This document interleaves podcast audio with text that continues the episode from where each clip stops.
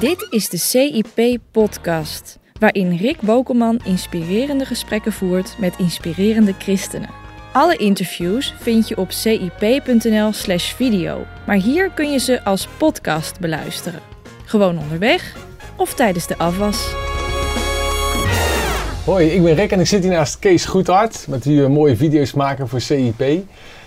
In deze derde video gaan we het hebben over de Heilige Geest. Eh, Ik denk dat de meeste mensen hem kennen van de Pinksterconferentie, van opwekking. En als er een onderwerp is waar jij altijd heel enthousiast over preekt, al jarenlang, decennia volgens mij al, dan is het wel de Heilige Geest, of niet?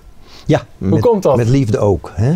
Ja. Nou, omdat ik denk dat, en geloof ook echt, dat zonder de Heilige Geest kun je niet staande blijven als christen in deze wereld. Je hebt die kracht nodig. Nou, eigenlijk de Heilige Geest is ons gegeven om eh, ons te helpen om dat uit te leven wat ook in Jezus zichtbaar is geworden. Daar heb je de kracht van de Heilige Geest voor nodig. Zo simpel. Maar je kunt toch ook heel veel dingen doen die Jezus zei zonder die kracht? Ja, Je vijanden lief hebben, dat Ja. doen ook atheïsten. oké. Hè? Laat ik dan Dus, eh, meteen... de- heilig leven, Ja. hè, dus je net aan de, aan de morele wetten houden die we met z'n allen hebben. Dat doen ook heel veel mensen zonder God of zonder de kracht van de Ja, maar jij kunt niet eens heilig leven zonder de Heilige Geest. Waarom niet? Omdat het alleen maar weer een hoop inspanning is om heiliger te leven. En je mislukt doorlopend daarin. Het is juist de Heilige Geest die ook heiliging bewerkt in je leven. Kijk, het is de doper met geest en met vuur. De geest geeft kracht. Het vuur werkt louterend, heiligend in je leven. En als je de Heilige Geest de ruimte geeft in je leven, dan werkt Hij die heiliging uit. En als ik probeer in eigen kracht dit niet te doen en dat te laten, dan kan het wel lukken voor een tijdje, maar het kost veel inspanning. Terwijl als ik me elke dag toewijd aan de Heer en Hij komt ook voor die dag weer met de volheid van Zijn geest, dan weet ik dat Hij het door mij heen uitwerkt. Mhm. Dat is een wezenlijk verschil. Dus het hoofddoel van de Heilige Geest is om ons meer te laten leven zoals Jezus. Ja. Dat, daarvoor is. Kijk, Jezus zegt op een gegeven moment heel erg duidelijk van: het is beter voor jullie dat ik heen ga, dan zal ik jullie een andere trooster zenden. Ook een trooster, maar van een ander kaliber, of misschien juist van hetzelfde kaliber. Maar als Jezus heen gaat, dan geeft hij ook eigenlijk aan van de Heilige Geest kan tegelijkertijd in al mijn volgelingen wonen. En Jezus zelf verschijnt hier, verschijnt daar. Maar het is beter voor jullie dat ik heen ga. Want de Heilige Geest kan in al die mensen tegelijk wonen. Ja. En waarom vond Jezus dat dan zo belangrijk dat die Heilige Geest in iedereen zou wonen? Nou, hij heeft het voorbereidende werk gedaan, Jezus. Kijk, alles door je hele Bijbel heen bestaat uit twee elementen: woord en geest. Het woord en de geest samen veranderen de situatie. Als je Genesis 1 begint, dan zie je al en de geest Gods broedde over de wateren. Deed een voorbereidend werk. Dan in Genesis 1 vers 3 en God zei, God begint te spreken, het woord klinkt. En waar geest en woord bij elkaar komen dan, zie je de chaos veranderen in kosmos. Nou, hetzelfde zie je op de eerste Pinksterdag. Het woord heeft geklonken, Jezus, het vlees geworden woord, heeft alles volbracht. De geest wordt uitgestort. En op dat moment wordt de kerk, de eerste gemeente, wordt geboren. Door het samengaan van woord en geest. Daarom is het zo belangrijk dat ook voor christenen er altijd een balans is tussen woord en geest. Want te veel van het woord dat leidt tot. Wetticisme, En te veel van de geest leidt tot. chaos. Maar het is dan niet de geest meer ook hoor. Dan is het echt dat wij denken dat, Dat God dat doet. dat God dat doet. Ja. Ja. Geloof jij dus echt oprecht dat, dat dingen in het leven makkelijker zijn als je de Heilige Geest hebt? Ja. Ik Want dat hoor ik je net zeggen. Ja, ik geloof oprecht dat als de Heilige Geest door jou heen kan werken, dat Hij de dingen doet door jou heen. Dat staat ook heel erg mooi. Maar De- uiteindelijk zul je toch zelf naar iemand toe moeten lopen om iets liefs te zeggen. Of zelf geld over te moeten maken met je random reader naar een goed doel. Alle natuurlijke dingen moet je zelf doen. Maar alles wat de geest geeft is bovennatuurlijk. Daarom zijn ook de gaven van de geest bovennatuurlijke gaven. En er zijn ook mensen die zeggen: ja, maar goed, er staat de geest van wijsheid, de geest van kennis. Nou, al die dingen, maar ik heb ook gestudeerd. Ja, je hebt kennis opgedaan. Je hebt wijsheid. Maar dat is geen bovennatuurlijke wijsheid en kennis. Wat is dan bovennatuurlijke wijsheid en kennis? Dat is wat de geest je geeft. Het denken van God. Kijk, Paulus zegt, en dat zegt hij eigenlijk heel mooi, heel duidelijk ook daar. Weet je wat voor mij het hoogste is? Hem te kennen. Ik kan veel kennis opdoen door te studeren. Dan weet je veel over. Dan weet ik veel. Maar het kennen van God is niet met je verstand te doorgronden. Het kennen van God is een openbaring aan je geest. Op het moment dat je kiest voor die God, dat je Jezus aanneemt, ga je ontdekken dat er in een soort bovennatuurlijk gebeuren iets plaatsvindt. Ik heb God leren kennen, niet door mijn verstand. En op die manier zouden we misschien als christenen ook wel veel over God kunnen weten zonder dat we God ook kennen. Ja. ja. Kijk, Hoe erg is dat? Nou, ik heb wel eens gezegd, je kunt de hele Bijbel uit je hoofd leren zonder God te kennen. Dan heb je de wetenschap. Het is een mooi boek. Het vertelt hele bijzondere dingen. En ik neem dat aan als een uh, geweldig mooi boek waar ik veel van kan leren. Maar dat wil nog niet zeggen dat ik God ken. Hè? Um, veel kennis geeft veel smart, zegt prediker. En daar heb ik heel lang over na moeten denken. Want ik heb gedacht, kennis is toch ook macht, kennis is toch ook kracht. Maar veel kennis geeft veel smart. En dan zegt Hosea daarachteraan, en die zegt precies tegenovergestelde: Mijn volk gaat te gronden door gebrek aan kennis. kennis hè? Lijkt elkaar tegen te spreken. Ja, lijkt elkaar tegen te spreken. Maar het is, het is natuurlijk niet zo. Want er is een groot verschil tussen kennis opdoen door te studeren en God te leren kennen. Dat zijn twee werelden. Um, als ik studeer, dan doe ik veel kennis op. Maar ik kan met mijn verstand niet doorzien hoe groot God is. Ik kan hem niet door te studeren leren kennen. Ik kan wel iets van zijn grootheid zien door te kijken in de spiegel. En de spiegel, zegt Jacobus, is dan in wezen dat woord. Ja. Dus ik kan hem verstandelijk wel een beetje leren kennen. Maar hem echt leren kennen lukt pas als je je knieën buigt en je hart aan de Heer geeft. Dat is een heel andere vorm van kennen. Ja. En, dat, en dan, de Heilige Geest hoor ik daar dan nog niet in? Nee, die hoor je daar nog niet in. Dus die helpt je weer om God nog beter te leren kennen. kennen. Ja. En de Heilige Geest, en dat geloven christenen al volgens mij uh, sinds dat het christendom is ontstaan, is een persoon. De Heilige Geest is een persoon. En dat komt omdat je kunt bewijzen, de kenmerken van een persoon zijn. Een persoon heeft verstand, een persoon heeft gevoel, een persoon heeft een wil en een stem. Nou. Oké, nou geloven wij dus dat de Heilige Geest in ons komt wonen. Ja. Dus de Heilige Geest woont in Rick en in Kees. De, eigenlijk, dus als je nu naar mij kijkt, zou je dus twee personen zien. Rick en de Heilige Geest. Nee. Of smelten die samen? Moet wel samensmelten. Kijk, nu zitten we Anders al meteen... Anders schizofreen, hè? Ja. Dan heb je nou twee personen. Ja. ja, maar dan zit je al meteen met een theologisch probleem.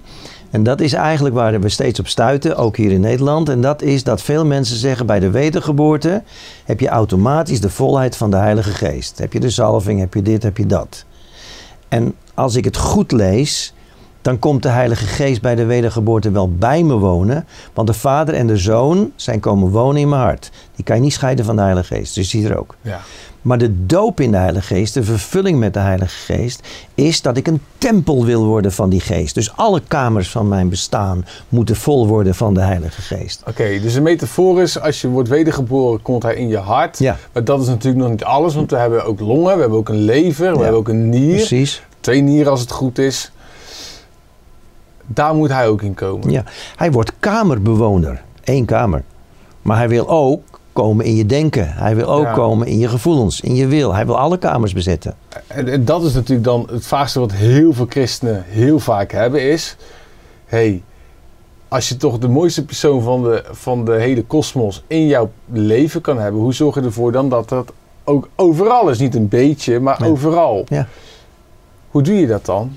Nou ja, ik kan dus niet begrijpen dat als je denkt al dat je de Heilige Geest hebt ontvangen, de volheid van de Geest bij de wedergeboorte, dat je, dan ga je ook volgens mij niet op zoek naar meer van de Geest. Want je hebt het al. Mhm. En wat ik met mijn hele hart geloof is dat die Heilige Geest wel in mijn hart woont bij die wedergeboorte, maar dat ik vol moet worden van die Geest.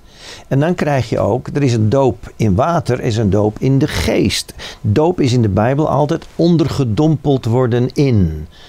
En als ik vol moet worden van die geest, dan betekent dus dat ik eigenlijk zeg: Heilige Geest, ik geef je alle sleutels van alle kamers van mijn bestaan. Want ik wil een tempel zijn, helemaal vol van die Heilige Geest. En dat is eigenlijk ook wat ik probeer uit te leggen aan de mensen als ik deze studies doe: van mag de Heilige Geest alles in jouw wezen beheersen. Maar je moet hem wel de ruimte daarvoor geven.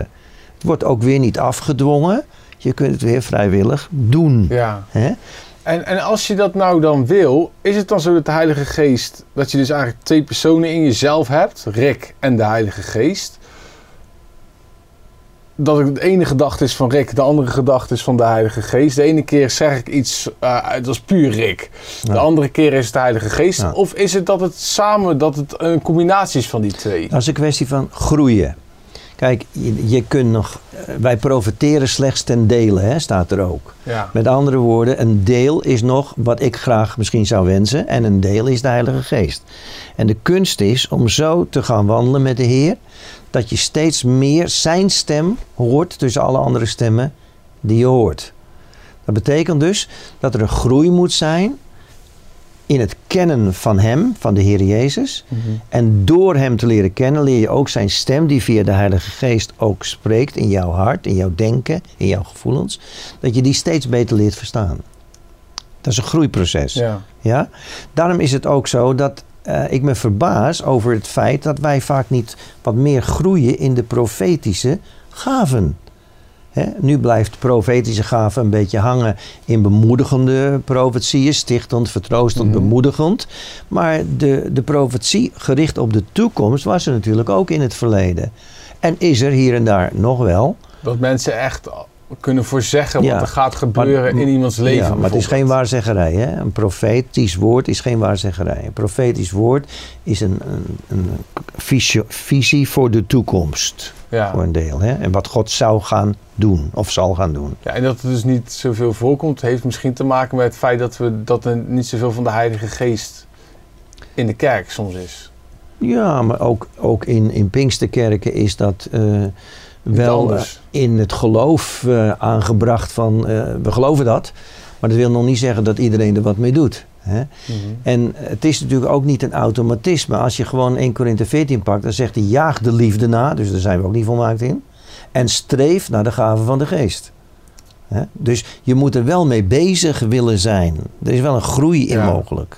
En hoe zou mijn leven er nou anders uitzien als ik de Heilige Geest niet zou hebben als christen of niet vervuld? Dus wij spreken, je maakt een film van mijn leven waarbij ik alleen eh, de Heilige Geest in mijn hartje heb wonen, om het maar even evangelisch Ja. uit te drukken, maak je een film van. Je maakt een film 2, Rick is helemaal vol van de Heilige Geest, bijna altijd. Ja.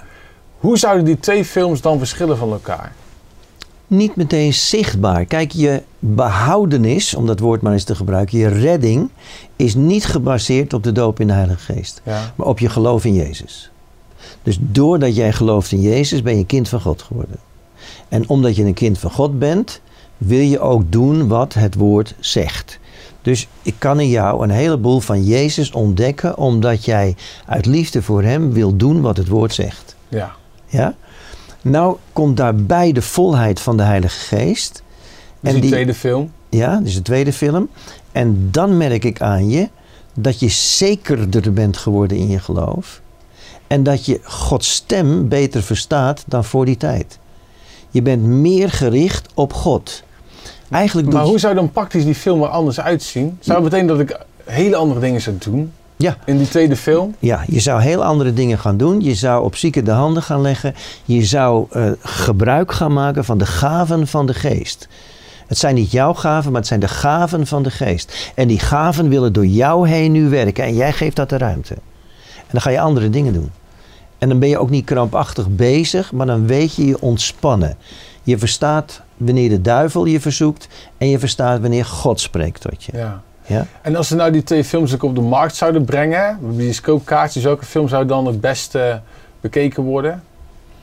Ja, daar kan ik geen antwoord op geven. Kijk, Met andere woorden, wat is de spannendste film? ik denk dat de spannendste film de tweede wordt. Omdat? Omdat daar eh, iets in gebeurt wat met het menselijk verstand niet allemaal op te pakken is. dan gebeuren goddelijke dingen die de mens niet heeft kunnen voorzien. Terwijl in die eerste film is het allemaal nog heel erg gebaseerd op een verstandelijke redenering, weliswaar met geloof. Maar toch allemaal nog een beetje van, ligt het binnen de mogelijkheden die mijn verstand kunnen begrijpen? Eh, je moet maar eens opletten, Jezus heeft met zijn discipelen niks anders gedaan dan al die jaren ze te leren om rekening te houden met de dingen die boven zijn. Zelfs als de belasting betaald moest worden, zei Jezus niet, kijk eens in de portemonnee, maar zei hij tegen Petrus, ga naar het meer, vang een vis, haal het geld uit zijn bek en betaal. Ik vind het een prachtig verhaal natuurlijk. Maar Ja. goed, bij alles houdt Jezus rekening met bovennatuurlijk. Als zij in de storm zitten, dan zegt Jezus, waar was uw geloof? Ik ben het toch? Jij ziet me zelf slapen daar. Je maakt me wakker. Jammer. Wat betekent dat voor ons eigen leven, die verhalen? Dat betekent gewoon voor mijn eigen leven, voor jouw leven, denk ik ook. Dat het mij rust geeft, ontspanning geeft. Ik hoef het niet allemaal waar te maken. Maar als ik nou maar zorg dat ik elke dag opnieuw hem de ruimte geef door mij heen, doet hij zijn werken door mij heen. Misschien kan ik het zo vertellen.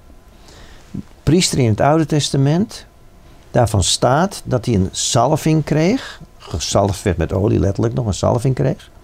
En als hij gezalfd was, dan bewerkte dat, Exodus 30, he- heiliging. Dus de zalving bewerkt heiliging. Heiliging maakt dat een heilig God zich met je kan verbinden. En hij doet zijn werken door jou heen. Is dat lekker ontspannen of niet? Ja, Het enige wat jij hoeft te doen- relax. Is toewijding. Ja. Dus wat ik doe Je elke morgen. Ja, elke morgen wijd ik me toe aan de Heer. Hij komt met een zalving voor die dag. Dat bewerkt heiliging. En hij doet zijn werken door me heen. Is het lekker ontspannen? Ja, heerlijk. En tot slot, heb, heb je mij wel eens dat verhaal verteld over die, die bomen? Want uiteindelijk zeg jij die zalving die je krijgt, de Heilige Geest is ook bedoeld om uit te delen. Ja. Toch? Ja. Daar heb jij een mooi verhaal over. Ja, maar ik ga niet het verhaal van die... Dat duurt veel te lang. Dat, dan zit je nog een half uur eraan gekluisterd. Maar ik kan je wel iets vertellen over, over zalving en het nut daarvan. En dat is eigenlijk ehm, het, het punt van... Door die zalving... Wat een beetje een groot woord is geworden. Want dat heb ik in het verleden wel eens gezegd. Hè. Het is een gezaalde spreker en een gezaalde dit en een dat. Maar die zalving op zich is super belangrijk... om staande te kunnen blijven in deze wereld. En om ook op te komen, en daar doelt dat dan ook even op van die bomen. Dat verhaal van de bomen, dat staat in je Bijbel, maar dat eindigt in een doornstruik. En die doornstruik, die wil wel koning worden. Die bomen willen dat niet, maar die doornstruik wel. En dan zegt hij ook nog, en schuil in mijn schaduw, opschepper. Want de doornstruik is het beeld van de duivel, van de slang. Denk maar even mee. Als Adam en Eva gegeten hebben van de vrucht en de boom, dan is daar de straf op de zonde. En de aarde brengt nu doornen en distelen voort. Nou, doornen en distelen, dat is niet bepaald vruchtbare grond. Nee, Dus- absoluut niet. Nee. Dus als ik wil zijn, niet onder de leiding en de druk van de doornstruik. Als ik vrij wil zijn van de werking van de machten der duisternis in mijn leven, is het superbelangrijk om de zalving van de Heilige Geest te hebben en vol te zijn van de Heilige Geest. Om te weerstaan alles wat ook satanisch geweld op de mens kan afbrengen. En toebrengen. Nou, dat is eigenlijk de lijn. Ja. En tot slot, wat is het allermooiste wat u zelf vindt van de Heilige Geest? Wat is het allermooiste aan de Heilige Geest? allermooiste aan de Heilige Geest is eigenlijk eh, wat ik al gezegd heb. Voor mij is dat ik volkomen tot rust kom. Als ik me toewijd aan de Heer, komt Hij met zijn zalving, met zijn geest. En het is net alsof ik me opgetild voel dan. En omarmd voel. Weggedragen als het ware. En ja, relaxed ben en ontspannen. Mooi. Heel erg mooi. Ik hoop dat jullie het ook heel erg mooi hebben gevonden. Ik heb weer van je genoten, Kees. Bedankt. En ik bedankt voor het kijken en tot de volgende keer. Doei! Je luisterde naar de CIP-podcast. Heb je wat gehad aan deze podcast? Laat dan een recensie achter in iTunes. Of steun CIP.nl door CIP Plus lid te worden op onze website.